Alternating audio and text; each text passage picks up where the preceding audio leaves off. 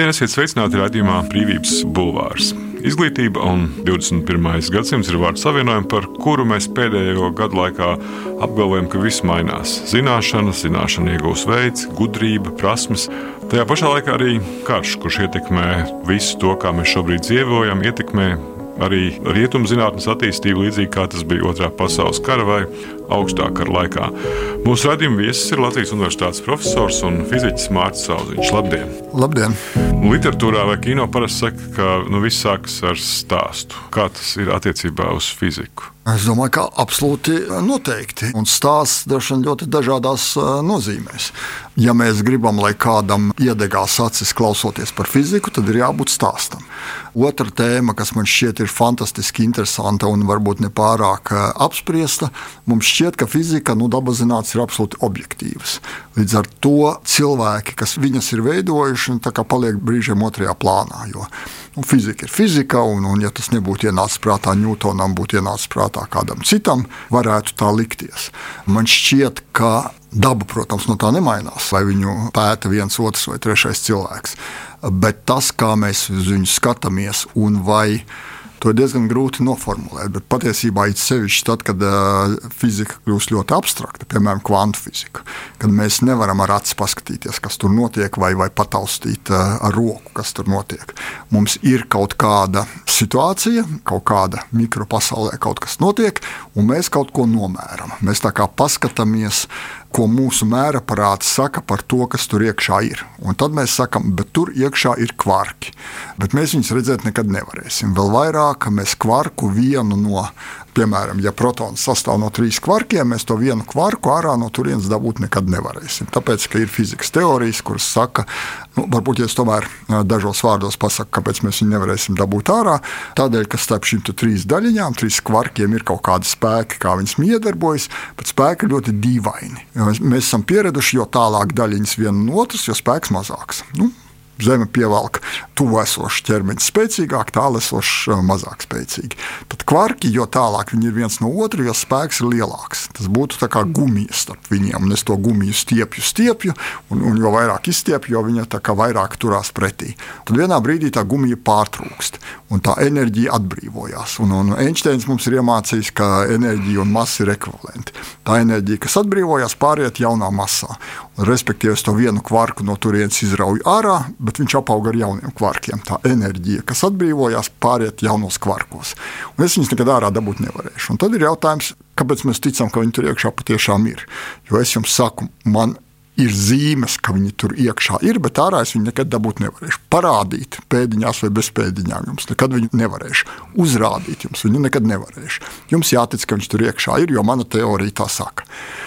Un tad mēs nonākam pie tā, ko fizikā sauc par interpretācijām. It sevišķi kvantu fizikā ir eh, dažāda veida interpretācijas, kā saprast dīvaino matemātiku. Un, uh, man par to gribētos domāt uh, tā, ka matemātika ir tik dīvaina, ka mums šķiet, nu, tā dabā būt nevar. Ja es pieņemu, ka tā ir, tad es tā kā vai nu es esmu traks, vai es kaut ko nesaprotu. Un tad es izdomāju priekš sevis stāstīnu, interpretāciju. Kāpēc es saku, nu, Varbūt, ka tomēr šādi var par to domāt. Un uh, mans stāstījums ir tāds, kas man patīk. Jūs sakiet, uh, mans stāstījums jums nepatīk, jūs izdomājat savu stāstījumu, savu interpretāciju. Un interpretācija pats vārds saka, ka tā nav teorija, kur ir iespējams pārbaudīt. Man šķiet par šo domāt ērti šādi, jūs sakiet, ka jums citādi par to ir ērti domāt. Un tad vienā brīdī gan vēsturiski, un tur ir ļoti interesanti stāsti, ja, ja būtu vairāk laika, es viņus varētu izstāstīt, uh, kāpēc viena interpretācija ir nostiprinājusies, un nevis tāpēc, ka viņi ir labāki, bet tāpēc, ka tā gadījās vēsturiski. Nu, piemēram, ir tāds ļoti interesants fiziķis Deivids Bols kurš strādāja tūlīt pēc otrā pasaules kara Princetons Universitātē, nu, superzinātnes centrā. Viņam bija ļoti, ļoti interesanta kvantu fizikas interpretācija, bet viņš bija pēc tautības ebrejs, un kara laikā nelaimējās viņam kaut kādas patiešām dažus mēnešus būt Amerikas Komunistiskajā partijā. Un tad bija senatora Makartija likumi, kas teica, ka šādi cilvēki augstskolā strādāt nevar, un viņu, viņu kontraktu nepagarināja. Tad viņš nonāca Brazīlijā. Brazīlija tajā laikā bija vēl vairāk mūža meža nekā tagad. Nu, es varu ceru, ka nevienu Brazīlijas neapvainoju. Nu, tāda vieta, kas ir diezgan tālu no zinātnes galvenajiem centriem. Un Tur viņš savā nodabā šo teoriju attīstīja. Iespējams, ka ja viņš būtu zinātnes pamatcentros, nu, tad pašā Princetonā viņam uzsistu pa pirkstiem ļoti ātri, un kolēģi teiktu, o, nē, šis ir galīgi šķērsām. Viņš savu teoriju neattīstītu. No otras puses, viņam Brazīlijā bija ļoti daudz laika par šo domāt, tā kā nosacīt brīva laika. Mēs saprotam, tur e-pasta un Skype nebija, Zoom nebija, tad viņš tā kā lielā mērā vienotnē domāja. Pēc tam viņš karjeru attīstījās, ka viņš nonāca Izrēlā, kas tad brīdī vēl arī pēc otrā pasaules kara īsi nebija nekāds zinātnes centrs atšķirībā no šodienas. Un beigās nonāca Anglijā, kur, protams, viņš nonāca zinātnes pamat virzienā. Bet, bet tas bija no vienas puses, viņam bija laiks savu interpretāciju ļoti detāli attīstīt, no otras puses, viņam nebija laiks viņu nopietni piedāvāt kolēģiem. Un tad, kad viņš atgriezās atpakaļ zinātnes apritē, kungi un dāmas jau bija vienojušies par citām interpretācijām. Ar to es gribu teikt, ka kas stāsts par to, kā mēs domājam šobrīd par kvantu fiziku, ir eh, lielā mērā subjektīvs. Mārcis Kalniņš ir latviešu fizikas zinātnieks, Latvijas Zinātņu akadēmijas īstenais loceklis, bijis Latvijas Universitātes rektors. No 1988. līdz 2003. gadam bijis universitātes uh, lektors, docents, eksperimentālās fizikas katedras vadītājs, kā arī atomfizikas un spektroskopijas institūta direktors. Līdztekus darbojies Latvijas Zinātņu akadēmijas senātā un Latvijas Zinātnes padomē, bijis viesprofesors vairākās apvienotās karalistes un Amerikas Savienoto Valstu universitātēs. Jūs savā profesora auziņa zinātnes slēgā, es skatījos sabiedriskos mēdījos, rakstat par šo te, nu, nenoteiktību, kurā mēs dzīvojam, kur ir dažādi nenoteiktības iemesli. Pandēmija, neaptveramā informācija un tā tālāk. Un tā tālāk. Jūs rakstāt, mēs esam noguruši no krīzēm, epidēmijām, nesakārtotības ikdienā un politikā, un tad mēs to pilnīgo galīgo patiesību meklējam dabas zinātnēs. Tad sanāk, ka tomēr arī tur nevar meklēt to galīgo patiesību. Jautājums, vai mēs ceram, ka mēs kādreiz atradīsim galīgo patiesību, tas ir ļoti filozofiski. Nu, noteikti. Uh, viens ir noteikti, bet arī šis par galīgo patiesību ir interesanta tēma. Uh, jo, nu, ja mēs runājam par fiziku, nu, tā kā pašiem pamatiem, tad ļoti vienkāršu mm, vismaz salīdzinot ar citām zinātnēm, relatīvi vienkāršu lietu. Un tad jautājums, kur fiziķu domas, nu, tie fiziķi, kas domā ļoti tā, tādās plašās kategorijās un konceptuāli, vai ir iespējams viens brīdis, kad mēs varēsim teikt, ka fizika ir gatava. Tur vairāk nav neko pielikt, neko atņemt. Mēs zinām, kā tādā pašā elementārākajā fizikas līmenī, jo tālāk ir ķīmija, bioloģija, dzīvie organismi un tā tālāk. Tad pašā vienkāršākajā līmenī, vai mēs līdz galam būsim sapratuši, kā daba strādā, un kad tur vairs nebūs neko un? pielikt, neko atņemt. Atbild? Atbildes vienas nav. Es domāju, ka nē. Es domāju, tas varbūt skaties nedaudz vienkāršot un šabloniski, bet tomēr, ja mēs atceramies seno Grieķiju, kad viņi teica, ka ir četri elementi - zeme, smagāk vieglākais, tad uh, ūdens drusku vieglākais, gaiss vēl vieglāks un uguns, kas pati ceļās debesīs. Četri elementi, mēs zinām, no kā viss ir uzbūvēts. Mums tā kā vēl drusciņi jāpastrādā, viņi teica, jāsaliek viņi tur tā kā pareizā konfigurācijā, un mēs zināsim, kā tā pasaule ir uzbūvēta. Uh, nu, mēs tagad skatāmies nu, ļoti naivi. Tomēr.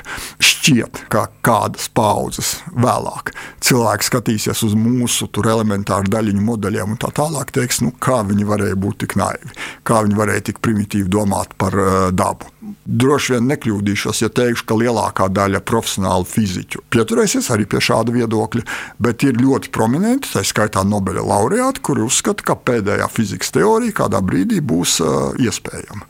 Tas vēl, kas varbūt raksturo šo naivumu, uh, manuprāt, ļoti skaisti par to stāsta kvantu fizika. Atkal patiesa stāsts. Bet tā ir fizika, par kuras nezinu, pielietojamību, nezinu, kalpošanu industrijā mēs nevaram runāt. Tas ir kaut kas tāds. Uh, mēs varam varam runāt, jo, jo mēs labi saprotam, ka tas ir droši vien ļoti primitīvi domāt, ka ir tā akadēmiskā fundamentālā fizika, tā nekur nav vajadzīga, industrijā tā kā nav pielietojama, un tad mēs nonākam pie tās, tās piezemētās fizikas, kas ir pielietojama industrijā. Tā bet, robeža tur praktiski neeksistē. Nu, ir tādas divas fizikas. Esat, nav tādas divas fizikas. Es, do, es gribētu teikt, ka fizikas attīstība ir absolūti viennozīmīga, vienmēr vienā veidā. Tad mēs atrodam kaut kādu ideju, kas mums liekas absolūti abstrakta un praktiski nepielietojama, un paiet tikai daži gadi, un mēs viņu pielietojam. Es izstāstīšu vēl vienu stāstu, man mm. patīk stāstīņi.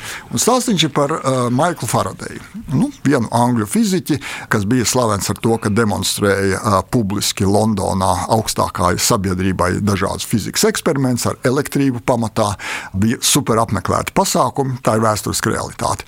Un uh, šī varbūt ir leģenda, uh, bet tikai daļai. Un ziņa ir absolūti perfekti precīza.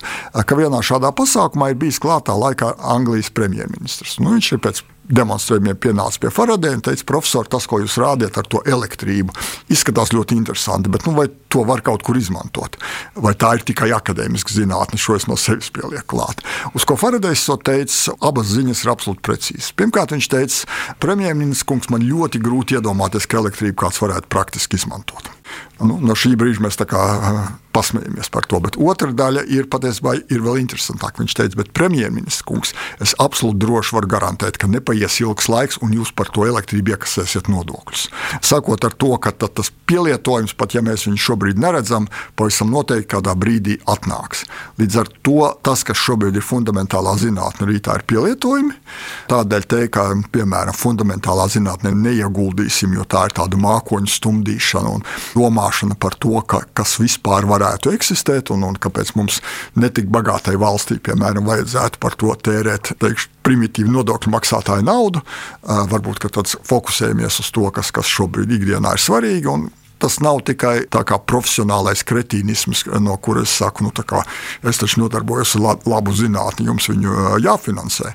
Un šis nav stāsts par to, ko mēs šeit, tad, kā fiziķi, darām, manuprāt, totāli nepareizi. Aizējām pie valdības premjera un sakiet, ziniet, ja jūs neiedosiet naudu mūsu zinātnē, mēs nomirsim badā. Un tad premjerministrs skaļi to neviens nesaka, bet droši vien nodomā, nu, bet varbūt, ka labi būs mazāk ar, ar jums kreņķu, tāpat no jums labuma nav. Kas stāsts nav par to, stāsts ir par to, ka ja mēs neieguldīsim, tā skaitā fundamentālā zinātnē, tad šie pielietojumi, kurus mēs šodien uztveram kā absolūtu, kā lai to saka, mūsu ikdienu, un pat neaizdomājamies, no kurienes viņi ir radušies. Elektrība kā piemērs. Ja mēs tādā fundamentālā daļā neieguldīsim, tad gal galā mēs slikti dzīvosim nākotnē, atpaliksim no pārējiem un cerēt, ka lai tie bagātie tur izdomā, un tad mēs to lietosim, tad mēs vienmēr vilksimies astē. Radījums Brīvības Bulvārs. Sarunas par to, kas notiek un ko mēs par to varam domāt. Kurā brīdī sākās tas ieguldījums tajā fundamentālajā daļā, vai pie tiem, kuri pēta to Higgsa bozonu, vai kaut kādā sākotnējā līmenī. Man skatījos tādu senāku interviju, kur jūs izteicāties, ka Latvijas pamatskola, vidusskola izglītība ir tādā nu, ļoti lokālā un arī provinciālā līmenī, ka viņi nespēlē jau globāli jau no tā sākotnējā līmeņa. Mēs šobrīd ik pa brīdim publiskā telpā ļoti dzirdam, ka mums pietrūkst cilvēku ar eksaktām zināšanām. Rezultātā pietrūkst inženieru, pie tam saprotot, tad, kad mēs runājam, vai mēs esam provinciāli vai nē, šī varbūt ir vispārēja tendence Eiropā, tad ir ļoti viegli eh, paskatīties statistiku, kurā mēs redzam, ka attiecība eksaktā zinātnē studējošie pēc eh, sociālām zinātnēm eh, Latvijā ir vissliktākā visā Eiropā. Tādā nozīmē, ka mums ir vismazākais procents no visiem studējošiem studē eksaktās zinātnes. Līdz ar to jautājums, kurā brīdī šī problēma sākās. Tad mēs domājam, ka risinājums ir iedosim nezinu, vairāk finansējuma universitātēm, jeb vidusskolas pēdējās klasēs rīkosim profesionālās orientācijas pasākumus. Es nesaku, ka to visu nevajag darīt, bet Es domāju, ka katrs arī no mums, un katrs no radioklausītājiem atcerās, var iedomāties, kad, kurā brīdī notika tas klikšķis mūsu galvās, kurā brīdī mēs nosliecāmies vienā vai otrā virzienā, ko mēs dzīvē gribam, ko mēs dzīvē darīsim. Un tas notiek pamatskolā. Par sevi es gandrīz tā fiziski varu pateikt, kurā vietā, patiesībā ļoti netālu no šejienes, jo es esmu Rīgas centra puika, ejot pa ielu, kaut kas manī noklikšķēja, un es sapratu, ko es gribu darīt. Un pēc tam kaut ko mainīt ļoti grūti. Un, ja mēs nerodam šīs iespējas, nerodam šo plašo spektru, droši vien jau pat bērnu dārzā, bet pavisam noteikti sākotnējā skolā, tad pēc tam viss jau ir nokavēts. Mēs tur varam darīt, ko gribam, figurāli teikt, sakot, varam stāvēt uz ausīm. To situāciju mēs mainīt nevarēsim. Otra daļa, ko mēs, manuprāt, nedarām, kas man pēdējā laikā ir tāds lieta, ko es gribu visiem iestāstīt, un neviens īsti manī neklausās. Ka, ja mēs sabiedrībā kopumā neradīsim sajūtu, ka zinātne ir svarīga un galvenais interesanti un aizraujoši, tas ir jādara tādā, kā lai to saka, pieaugušo cilvēku līmenī, ja tā var teikt, rīkojot aizraujošus, bet perfekti organizētus publiskus pasākumus par zinātni. Un es esmu redzējis daudz kur pasaulē, kā to var, pie tam ļoti tuvu, piemēram, Dānijā, Orhusas Universitātē, kā to var izdarīt tā, ka cilvēki pērk biļetes gandrīz kā Latvijā uz operas pirmizrādi, un ka visiem biļešu nepietiek un biļetes nav lētas un tā tālāk uz šādiem pasākumiem. Un vienā brīdī sabiedrībā izveidojās tā kopējā sajūta, ka, nu, teiksim, kā mēs Latvijā Es ceru, atkal, ka nevienu neaizvainošu, bet tad, kad ir operas pirmizrāde, sajūta ir, nu, tā opera man tā kā īsti neinteresē, bet nu, kā tad es tur nebūšu? Tad, tas ir tas brīdis, kur sabiedrības krējums salasās. Nu, jā, atbraukt Nobelpremijas laureāts fizikā, lasīt lekcijas. Es neesmu pārliecināts, jo man ir gana nopietna pieredze ar Latvijas universitāti, kad mēs rīkojām ļoti interesants, kā man šķiet, un pie tam gan ļoti augsta līmeņa profesoru, gan tādu no otras puses, kas ir pierunājuši pilnu YouTube kas māk to izstāstīt attraktīvi, normālam cilvēkam, saprotami, nevis savs un profesionāli. Un, ja es lielo aulu spēju piepildīt pār pa 50% pie visiem tur reklāmas resursiem, kas lielai Latvijas universitātei ir, un spējai mēģināt sabiedrībai izstāstīt, ka būs šāds pasākums. Un tur atkal ir droši vien diezgan gari stāsti, kāpēc Latvijā ir šāda situācija. Es domāju, ka tas varbūt skanēs nedaudz nepārliecinoši, bet priekš manis pārliecinoši, ka tas viss ir sākās tajā brīdī, kad Rīgas rāte teica, ka mums Latvijā universitāti nevajag, lai viņi tur tartu taisa vai viņā jau ir, jo tie dumpīgā jaunatni ceļš humanitārā. Simts gadu atpakaļ. Jā, vairāk kā simts gadu atpakaļ, un tādēļ šie dumpīgie taisīs tikai trobeli. Mums te kārtīgiem tirgotājiem to nevajag. Tad vienā brīdī tie paši nopietnie tirgotāji saprata, ka nu, ražošana arī vajag, vismaz inženierus vajag, un tad mēs atļāvāmies uztaisīt Rīgas politehniku un pēc tam Politehnisko institūtu, un gan Vācu Bet tomēr, un, un tas jau bija 19. gadsimta vidū, saprotot, ka bez šī mēs iztikt nevaram, bet mēs esam ļoti daudz ko nokavējuši. Un humanitāro zinātņu Latvijā nebija līdz Latvijas universitātes rašanās brīdim, kas ir 20. gadsimta pirmā puse, nu, tad, kad bija neatkarīga valsts nodibināta. Man gribētos apgalvot, ka šis tā kā mūsu tādā, nezinu, kopīgā sabiedrības sajūtā joprojām ir klātesošs. Tas bija tik ātri, tu nevari saprast par politisko kultūru, bet tādu Nu, šī nav politiskā nemainās. Nu, ja viņa mainās ļoti lēni, un, un, protams, ir bijuši apstākļi, kāpēc varbūt tam nevajag obligāti simts gadu tādā normālā attīstības situācijā, bet mēs zinām pa vidu vēsturē visu, kas Latvijā ir bijis, līdz ar to tāda normāla evolūcija. Arī mums ir bijusi neiespējama kādos brīžos. Līdz ar to es domāju, ka, ka šis zināmā mērā ir mūsu arī šāda vēsturiskā seka, un kāpēc Igaunijā ir Tartu universitāte un Lietuvā Viņas universitāte. Un iespējams, ka arī tur ir meklējums tālu nevienīgais, bet viens no iemesliem, kāpēc mēs tagad tik ļoti pārdzīvojam, ka redziet, Lietuva aiziet mums priekšā ekonomiski strauji, Igaunija aiziet mums priekšā ekonomiski strauji, mēs tā kā Latvijā velkamies astē. Un mums ir gan premjerministrs, saka, ka viņam ir plāns, kā, kā to vērst par labu, gan politiķis saka, ka ir plāns, kā vērst, vērst par labu, bet uh, tas vezums joprojām ir tur, kur viņš ir bijis. Ar apziņu mēs saprotam ļoti dažādu lietu kopumu. Tās ir gan mūsu zināšanas, gan atmiņas, bet vēl svarīgāk tās ir mūsu domas, emocijas un sajūtas. Apziņa ir tas, kā mēs uztveram pasauli. Apziņa ir tas, kā mūs atšķir ne tikai no datora, bet arī no mūsdienās tik populārām mākslīgā intelekta sistēmām. Tās var zināt daudz vairāk nekā jebkurš individuāls cilvēks spēj zināt un atcerēties, bet šīs datoros balstītās sistēmas nav spējīgas apzināties sevi tām nepiemīt emocijas. Tāpēc šis grūtais jautājums pastāv, kā rodas apziņa. Bez šī mirkļa domāšanas mūsu prātos ir ļoti daudz atmiņu. Var teikt, ka mēs esam tas, ko mēs savā dzīvē esam piedzīvojuši un pārdzīvojuši. No otras puses, mūsu ķermenis un smadzenes kā ķermeņa daļa sastāv no ļoti daudziem, bet tomēr galīgi skaita atomiem. Iedomāsimies, ka tehnoloģijas kādreiz tālā nākotnē būs tik tālu attīstījušās, ka spēsim izveidot kādu cilvēku precīzu repliku.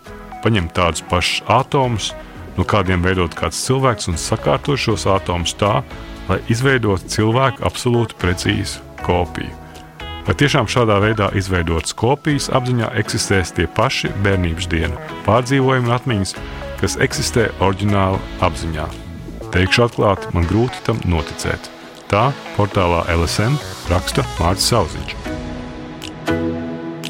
Nu, jūs esat viens no tiem teikt, mūža izglītības adeptiem, ja, kurš ir vairāk kārtīgi dažādu veidu tradicionāls un netradicionāls izglītības formas reklamējis un veicinājis. Un no šī viedokļa varbūt nekad nav par vēlu nokavēts. Nu, ja ir skaidrs, ka nu, vismaz tās paudzes, kuras šobrīd ir tādā formatīvajā fāzē, tās līdz mūža galam būs spiestas visu mūžu mācīties, lai nepazūd. Lai gan arī saka, ka mākslīgā intelekta rezultātā pazudīs virkni profesiju. Tāpēc nu, ne, nu, šī prasmju mācīšanās ir riskanta. Virkni profesiju, protams, pazudīs. Un, un tas ir atsevišķs stāsts, ko mākslīgais intelekts var un ko viņš totāli nevar. Mēs domājam, ka nedaudz pārspīlējam viņa varēšanu, bet tas, ko jūs sakiet, vai tā kā viss ir neglābjami zaudēts, nu, protams, ka nav viss neglābjami zaudēts. Bet es domāju, ka šī veids, kā, kā mēs paši mācāmies un kā mēs aizraujam jaunos cilvēkus, lai, lai viņi tiešām iegūtu plašu, fundamentālu, uh, labu izglītību, kas ļauj plaši skatīties uz lietām. Jo šis plaši skatīties uz lietām un ieraudzīt kontekstu, manuprāt, ir tas, kas šobrīd trūkst. Un tad, kad mums dažādas sazvērstības teorijas vai viltus ziņas strādā, nu, viņas strādās tik ilgi, kamēr mēs nespēsim plašā kontekstā informāciju ieraudzīt un saprast. Tik ilgi, kamēr mums pietiks izlasīt vienu ziņu, un mēs tā kā pa labi, pa kreisi skatīties, negribēsim, nemācīsim, nebūsim trenēti. Jo patiesībā šis ir treniņa jautājums. Tāpat kā mēs sporta zālē varam trenēt, tāpat mēs savu prātu varam trenēt. Un tāpat kā mēs ejam uz sporta zāli un fizisko formu uzturam, tā arī prāts ir forma ir jāuztur.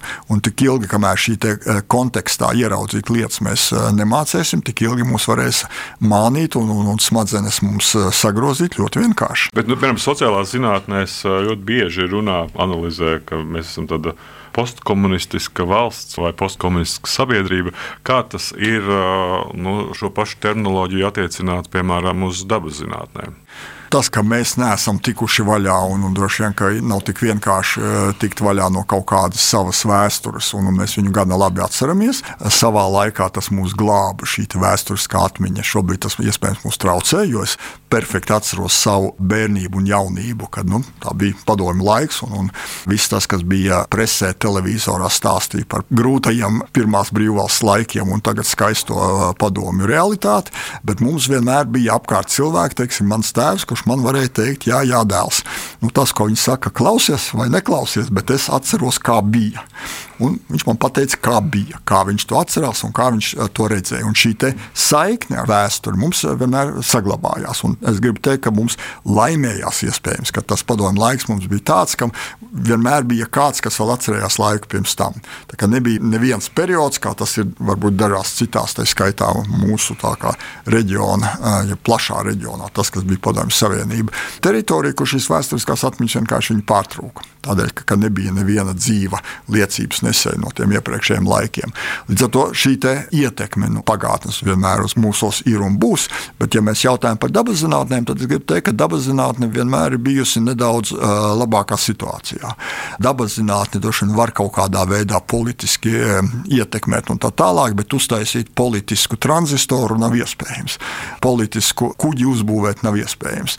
Tad, kā likt taču brīvai Eiropai tur tos čarkstienus virsū? Tas labi, labi, bija ne, fizikāls process. Tas bija, un, šādā ziņā, protams, bet tad, kad tika pētīti fizikas likumi, nu, tad viņi, mēs zinām, tas droši vien bija pirms tā laika, kad es kaut ko darīju fizikā, kad bija stāsti, ka kvantu fizika ir buržāziskās ideoloģijas, e, ideālistiskais skats, un tad marksisms, leņķisms saka, ka tā būt nevar, un tāpēc mēs kvantu mehāniku nenodarbosimies.